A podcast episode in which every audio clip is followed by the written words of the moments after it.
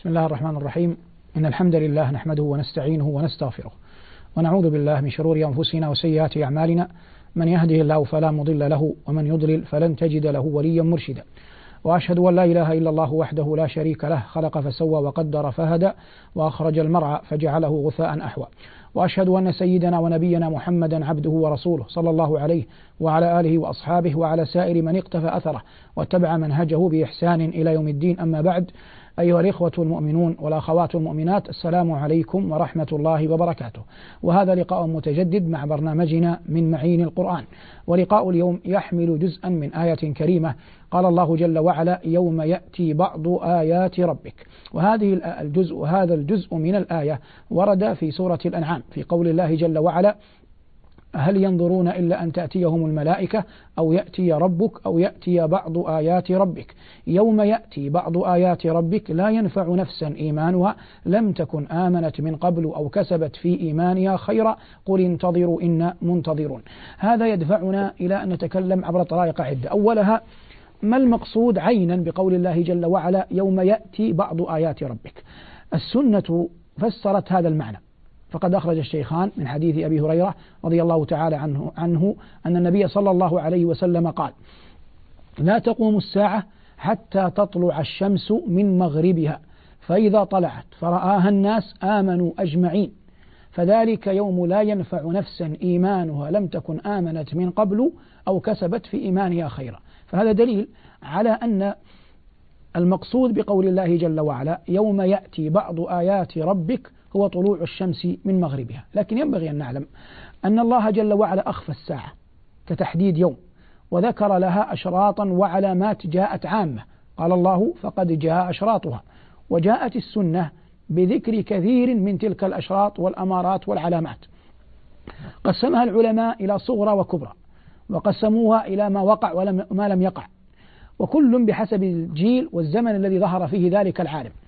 الذي يعنينا هنا سنقتفي أثر ما جاء في السنة من الأشراط والأمارات والعلامات الكبرى متسلسلة حتى نصل إلى طلوع الشمس من مغربها الذي هو عنوان هذه الحلقة يوم يأتي بعض آيات ربك. فنقول والله المستعان من أعظم العلامات الكبرى وأولاها ظهورا خروج المهدي والمهدي من اسمه رجل ذو هدى والمهدي عند أهل السنة سلك الله بنا وبكم سبيلهم رجل من آل بيت رسول الله صلى الله عليه وسلم. اسمه محمد بن عبد الله العلوي الحسني. محمد بن عبد الله العلوي الحسني. ما الذي تستفيد من هذا؟ تستفيد أن اسمه واسم أبيه يواطئ اسم النبي صلى الله عليه وسلم. العلوي نسبة إلى علي بن أبي طالب رضي الله عنه وأرضاه. الحسني نسبة إلى الحسن بن علي فهو إذا من ذرية الحسن بن علي رضي الله عنهما أجمعين. هذا نسبه.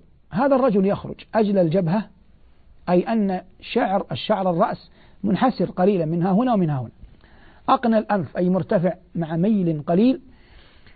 أقنى الأنف يواطئ اسمه كما بينا اسم النبي صلى الله عليه وسلم واسم أبيه اسم أبي النبي عليه الصلاة والسلام.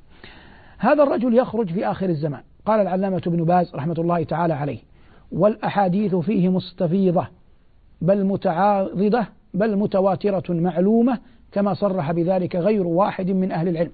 وقال شيخنا بن باز رحمه الله كذلك وخروج المهدي من رحمة الله بالأمة في آخر الزمان. وخروج المهدي من رحمة الله بالأمة في آخر الزمان. وهذا الرجل يخرج وقد ملئت الأرض جورا فيملأها عدلا. وهو رجل صالح قطعا يصلحه الله جل وعلا في ليلة كما جاء في بعض الأحاديث. من ذرية نبينا صلى الله عليه وسلم يتبعه المؤمنون. بعد خروج المهدي وأثناء حربه وعلو كعبه ونشره للدين يأذن العلي الكبير بخروج الدجال. والدجال رجل جعله الله فتنة. قال صلى الله عليه وسلم ما من خلق آدم إلى أن تقوم الساعة فتنة هي أعظم من الدجال. عياذا بالله منه. وقال عليه الصلاة والسلام أنا آخر الأنبياء وأنتم آخر الأمم فهو خارج فيكم لا محالة. لأن لم تبقى أمة حتى نقول سيخرج فيها الدجال. أمة نبينا صلى الله عليه وسلم آخر الأمم. فهو خارج لا محالة. وهو من أعظم الفتن.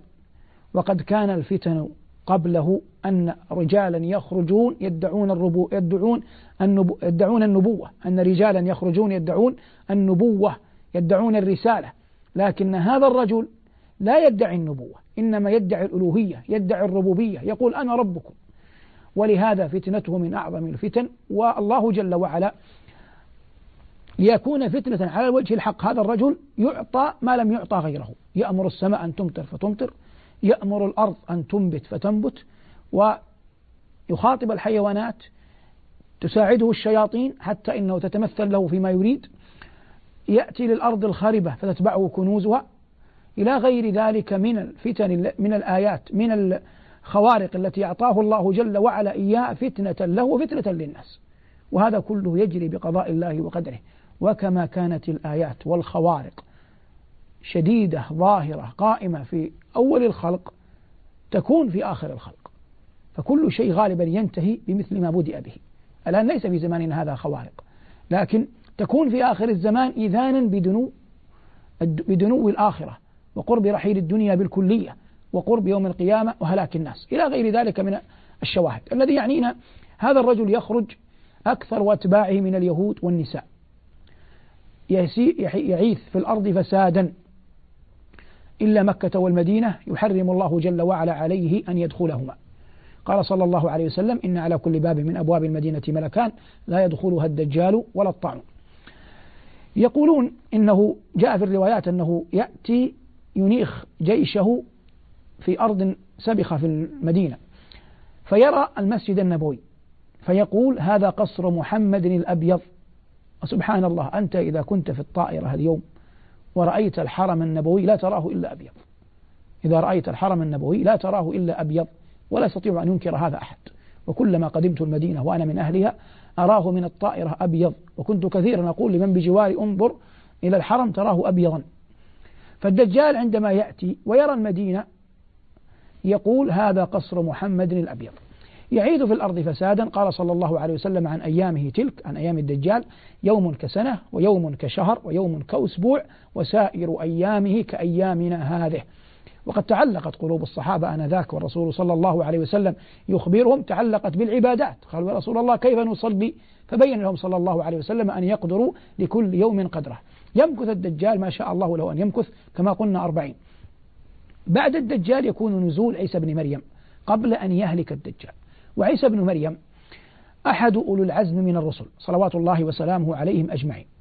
رفعه الله جل وعلا لما زعمت اليهود أنها قتلت. قال الله وما صلبوه وما قتلوه وما صلبوه ولكن شبه لهم. وإن الذين اختلفوا فيه لفي شك منه ما لهم به من علم إلا اتباع الظن. وما قتلوه يقينا بل رفعه الله إليه وكان الله عزيزا حكيما. هذا نص قرآني أن الله رفعه إليه. ثم ينزل عيسى بن مريم والدجال باق في الأرض فإذا رأى عدو الله الدجال رأى عيسى ذاب كما يذوب الملح في الماء. لكن عيسى لا يتركه يقتله بحربة تكون معه ليري المسلمين دمه حتى يطمئنوا وينزاح. وهذه سنة لله جل وعلا عند قتل الجبارين. عند قتل الجبارين ترى إذا تتبعت القرآن والسنة أنهم يقتلون بطريقة يظهرون فيها. لا يعني لا يذوبون. تبقى أجسادهم باقية كاملة حتى يطمئن الناس أنهم ماتوا. كما حدث في فرعون. فإن الله جل وعلا قال فاليوم ننجيك ببدنك. وكذلك الدجال. الأصل أنه يذوب إذا رأى عيسى. لكن عيسى يقتله. حتى يري المؤمنين دمه حتى يري المؤمنين دمه فيطمئن المؤمنون أن الدجال قد قتل وانتهت فتنته. والعصمة من الدجال دعا النبي صلى الله عليه وسلم المؤمنين الذين يدركونه إلى قراءة سورة الكهف فواتحها في رواية وخواتمها في رواية. وقد قال بعض العلماء في تبيين العلة والحكمة من ذلك أن سورة الكهف ذكر الله جل وعلا فيها أن أصحاب الكهف لجوا إلى الله جل وعلا خوفا من طاغية عصرهم فآواهم الله. فقراءة تلك الآيات المتحدثة عن أولئك الفتية الصالحين يجعله الله جل وعلا مما يحمي الله به عباده آنذاك من فتنة الدجال.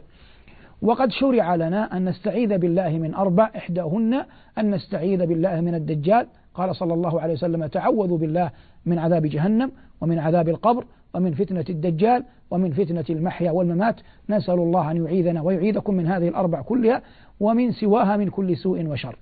نعود إلى عيسى بن مريم. بعد ذلك يستقر الأمر لعيسى لكنه من الفوائد الحديثية أنه عندما ينزل يكون أحد المؤمنين غالب الأمر أنه المهدي يريد أن يصلي بالناس. تكون الصلاة قد أقيمت صلاة العصر. فيقدم هذا المهدي عيسى فيأبى. ويتقدم هذا الرجل سواء قلنا إنه المهدي أو غيره من أمة محمد صلى الله عليه وسلم يصلي وعيسى وهو نبي وأحد أولي العزم من الرسل يصلي خلف هذا النبي يصلي خلف هذا العبد الصالح. قال صلى الله عليه وسلم مفتخرا فخر حق إن منا إن منكم أي هذه الأمة لمن يصلي عيسى بن مريم خلفه تكرمة لله تكرمة من الله لهذه الأمة بعد ذلك يحكم عيسى. هل تكون فترة البركة قبل قتل يأجوج ومأجوج أو بعدهم؟ بكل قال العلماء. لكن فلنجعلها في الأخير. في أثناء ذلك يكس يدق الصليب أي عيسى ويرفض الجزية ولا يقبل إلا الإسلام. ويعم العدل على يديه. ويهلك الله الملل كلها إلا ملة الإسلام. ثم يوحي الله إلى عبده عيسى أنني أخرجت عبادا لي. ليس لك ولا لأحد بهم يدان يعني قوة. وهذا فيه دليل ظاهر.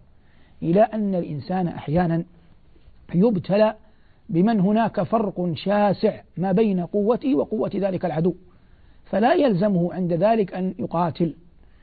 على هذا أمر الله جل وعلا عيسى أن يفر بالمؤمنين الذين معه إلى جبل الطور. يقول الله له فحرز عبادي إلى الطور. فيفر عيسى والمؤمنون الذين معه إلى جبل الطور في أرض سيناء. فيأتي تأتي قبائل يأجوج ومأجوج. قال الله حتى إذا فتحت يأجوج ومأجوج وهم من كل حدب ينسلون واقترب الوعد الحق إشارة إلى قرب قيام الساعة. يخرج هؤلاء يأجوج ومأجوج أمة من الأمم.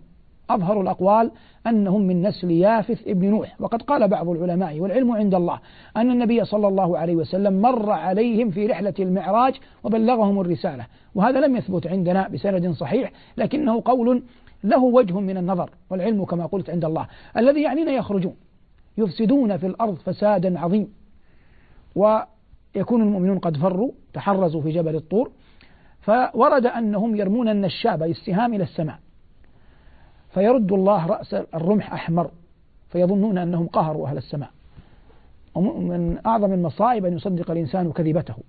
فيقولون قلبنا غلبنا أهل السماء وقهرنا أهل الأرض. فيدعو عيسى عليهم فيبعث الله جل وعلا عليهم دودا في رقابهم. فيموتون فرسا فرسا جمع فريس. كما نقول قتلى جمع قتيل. فيموتون موتة رجل واحد. ثم يبعث الله طيرا تحملهم. ثم يبعث الله مطرا يغسل الأرض من نتنهم. فيرجع عيسى والمؤمنون الذين معه والآن نعود إلى ما قلنا إنه ستكون أعوام خير وبركة في نزول عيسى بن مريم عليه السلام وحكمه. قال عليه الصلاة والسلام إن المؤمنين ليوقدون من قسي يأجوج ومأجوج كذا وكذا يعني أعوام. معنى ذلك أن ما يتركه آه، يأجوج ومأجوج من قسي رماح أدوات خشبية تصبح أداة وقود. للمؤمنين. فهم من هذا أكثر العلماء على أن ما نحن فيه من مدنية معاصرة ذات حضارة تكنولوجية في في الوقت الحالي أنها غالبا يدمر بعضها بعضا وتنتهي ويعود الناس إلى ما كانوا عليه من الركوب إلى على الخيل والبغال والعودة إلى ذبح الثيران والأبقار وغير ذلك من الحياة التي كانت سابقة. وهذا هذا الذي هو ظاهر النصوص. لكن كما قلت في مواطن لابد أن نقول لا نجزم لأن الغيب يبقى غيبا وأفهامنا دائما تبقى قاصرة في فهم النص الشرعي خاصة الغيبي منه الذي لا نملك الآلات والأدوات إلى فهمه لأننا لم نصل بعد إليه. فنقول ينزل عيسى بن مريم والمؤمنون الذين معه. عندها كما قال صلى الله عليه وسلم ينزع الله حمة كل ذات حمى. حمى الأغلال الحقد العدوانية الطبع السيء الموجود في المخلوقات ينزعه الله. فيضع الوليد الصغير إصبعه في فم الحية فلا تعضه ويمشي الكلب الذئب مع الشياء كأنه كلبها. وربما لعب الطفل بفكي الأسد دون أن يخشى منه. لماذا؟ لأن الخالق العظيم الذي غرس في الحيايا والأسود والسباع ما غرس نزعه منها. والله جل وعلا هو الخالق وهو المتصرف وهو القادر. وكما قلت يعود كل شيء إلى أصله. فيأمر الله الأرض أن تخرج بركتها ويأمر السماء أن تمطر. فلو أن أحدا غرس حبة على أرض صخرة صماء مثل هذه لأنبتت بأمر من الله. لأن القادر العظيم أذن للأرض أيا كان حالها أن تقبل المطر وأن تنبت. فهم العلماء كذلك من قوله صلى الله عليه وسلم إن الخيل يباع بدريهمات كما في حديث أبي أمامة. والثيران تصبح غالية والأبقار لأنها تؤكل. والناس لا ليس هناك ملة إلا ملة الإسلام. فلا حاجة إلى أن تحارب لا حاجة إلى أن تربط الخيل وتعقدها حاجة الاستقرار يدفع إلى الطعام. آمنهم من جوع وآمنهم من خوف. فإذا أمن الناس من الخوف طعموا. لأجل ذلك تغلى ترتفع أسعار الأشياء التي تؤكل. هذا دليل كما قلنا فهم العلماء منه أنه دليل آخر على أن الحياة تعود إلى طبيعتها. لأنه قال إن الثيران والبقار تصبح بكذا وكذا مالا وأن الخيل ترخص أسعارها. هذه بعض ما يكون من أمر عيسى بن مريم. عيسى بن مريم قال صلى الله عليه وسلم والذي نفسي بيده لا يهلن ابن مريم بفج الروحاء حاجا أو معتمرا أو ليثنيهما. يعني يجمع بينهما. فج الروحاء هذا في الطريق من المدينة إلى بدر.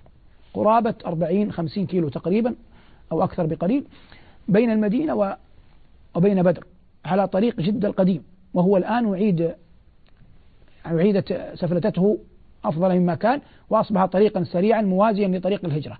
الذي يعنينا كون الطريق يعني يستجد ويبدأ من جديد في عهد هذه الدولة وفقها الله معناه أن القرية تبقى حية. لأن ما الذي يميت القرى ويهلكها؟ أنها تصبح غير مطروقة.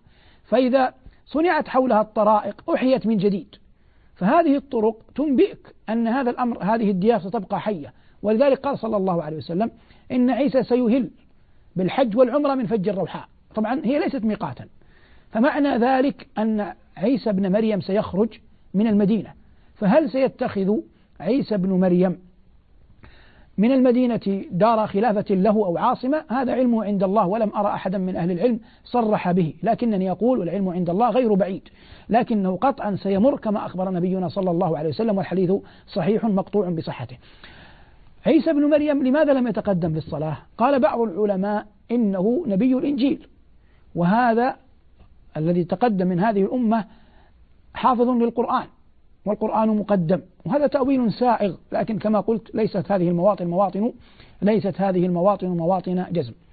ثم يموت عيسى بن مريم وتبدأ الناس والأمور إلى زوال إلى انتكاس حتى تخرج الدابة تسم الناس على خراطيمهم تسم الناس على أنوفهم.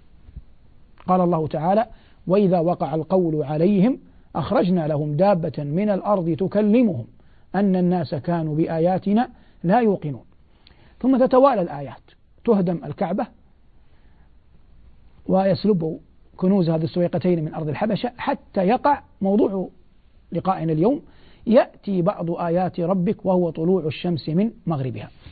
كنا قد بينا في دروس سابقة أن الله أقسم بالمشارق وذكر المغربين وذكر المشرق والمغرب وبينا البلاغة اللفظية في هذا. هنا نبين أن الشمس كما أخبر النبي صلى الله عليه وسلم تأتي كل يوم. تستأذن ربها تسجد تحت العرش وتستأذن ربها أن تطلع فيأذن العلي الكبير لها. حتى يكون هذا اليوم الذي قال الله عنه يوم يأتي بعض آيات ربك فتأتي الشمس تستأذن ربها. فيقول الله فيقول الله لها ارجعي من حيث أتيت. ومن أين أتت الآن؟ أتت من المغرب. فترجع من المغرب فتطلع على الناس من المغرب. فإذا رآها الناس كما قال صلى الله عليه وسلم في الصحيحين وغيرهما من حديث أبي هريرة فإذا رآها الناس آمنوا أجمعين. لكن الإيمان هنا لا ينفع إلا نفسا كانت قد آمنت من قبل. قال الله جل وعلا يوم يأتي بعض آيات ربك يوم يأتي بعض آيات ربك لا ينفع نفسا إيمانها. لم تكن آمنت من قبل أو كسبت في إيمانها خيرا. والله جل وعلا علق التوبة والإنابة إليه بوقتين وقت عام ووقت خاص. أما الوقت العام فهو طلوع الشمس من مغربها وهو حديثنا اليوم. والمعنى أنها إذا طلعت من مغربها لا يقبل الله توبة تائب ولا رجعة آئب والوقت الخاص بكل أحد أن تبلغ الروح الحلقوم. فإذا غرغرت الروح لم يبلغ الله جل وعلا توبة عبد. لم يقبل الله جل وعلا توبة عبد. إذا وصل الإنسان إلى مرحلة أن روحه غرغرت فلا يقبل الله منه توبة. على هذا نقول إن أعظم مقصود من ذكر هذه الآيات وتلاوة مثل هذه العظات أن يعلم الإنسان أن الله جل وعلا حيي كريم وأنه تبارك وتعالى يحب من عباده أن يتوبوا إليه. لله أفرح بتوبة عبده من كذا وكذا وذكر عبدا عاين الموت. فقال فرحا بعد أن ردت إليه ناقته اللهم أنت عبدي وأنا ربك. قالها فرحا. ومع ذلك قال صلى الله عليه وسلم لله أشد فرحا بتوبة عبده. من عبد السوء؟ عبد السوء عياذا بالله من يسمع آيات القرآن وأحاديث المصطفى صلى الله عليه وسلم ويوعظ ويذكر ويبقى على ما هو عليه من البعد عن الله جل وعلا. لا يشهد صلاة ولا يؤدي زكاة. ولا يصوم رمضان ولا يعرف الطريق إلى البيت العتيق. عبد السوء من لا يعقد أنامله بالتسبيح ولا يلهج بلسانه بذكر الله جل وعلا. والعبد الصالح والأمة الصالحة من يكثر من التوبة والاستغفار والأوبة والتوبة إلى الواحد القهار ويخشى هذه العظات والآيات التي أخبر الله عنها. يخشى هذا الوعد والوعيد الذي ذكره الله جل وعلا في كتابه. قال الله جل وعلا حتى إذا جاء أحدهم الموت قال رب ارجعون لعلي أعمل صالحا فيما تركت. قال الله كلا إنها كلمة هو قائلها ومن ورائهم برزخ إلى يوم يبعثون. وقال الله ونخوفهم فما يزيدهم إلا طغيانا كبيرا. فالمؤمن إذا ذكر بالله ذكر وإذا قيل له اتق الله أطرق برأسه وخشع قلبه وذرفت عينه وعلم أن شأن الله عظيم. وما زالت أرواحنا في أجسادنا. فالله الله في التوبة والإنابة إلى الواحد القهار وأن ينتهز كل منا. الفرص التي جعله الله جعلها الله جل وعلا بين يديه من خالدات الأيام المباركات والساعات الفاضلات والأمكنة ذات التي موسومة شرع بأنها مباركة كالحرمين وغيرهما فيأتي الإنسان إليها. فإذا اجتمعت فضيلة المكان وفضيلة الزمان والرغبة من العبد في الأوبة إلى الرب كان ذلك خيرا عظيما يتقلده وطريقا مستقيما يسلكه وليست التوبة مقصورة على مكان أو زمان بعين كلا. قال الله وتوبوا إلى الله جميعا أيها المؤمنون وكم من مواطن فاسدة وأمكنة ذات فجور فيها من عباد الله الصالحين ما يرفع لهم من العمل الصالح ما لا يعلمه إلا الله جل وعلا. جعلنا الله وإياكم ممن يستمع القول فيتبع أحسنه. ورزقنا الله وإياكم توبة ناصحة صادقة نفيء بها إليه ونرجع بها إلى ربنا تبارك وتعالى. قال الله جل وعلا يا أيها الذين آمنوا توبوا إلى الله توبة نصوحا هذا والله المستعان وعليه البلاغ. وصلى الله على محمد وعلى آله والحمد لله رب العالمين. والسلام عليكم ورحمة الله وبركاته. الله نزل أحسن الحديث كتابا متشابها مثانية تقشعر منه جلود الذين يخشون ربهم ثم تلين جلودهم وقلوبهم إلى ذكر الله. ذلك هدى الله يهدي به من يشاء. ومن يضلل الله فما له من هاد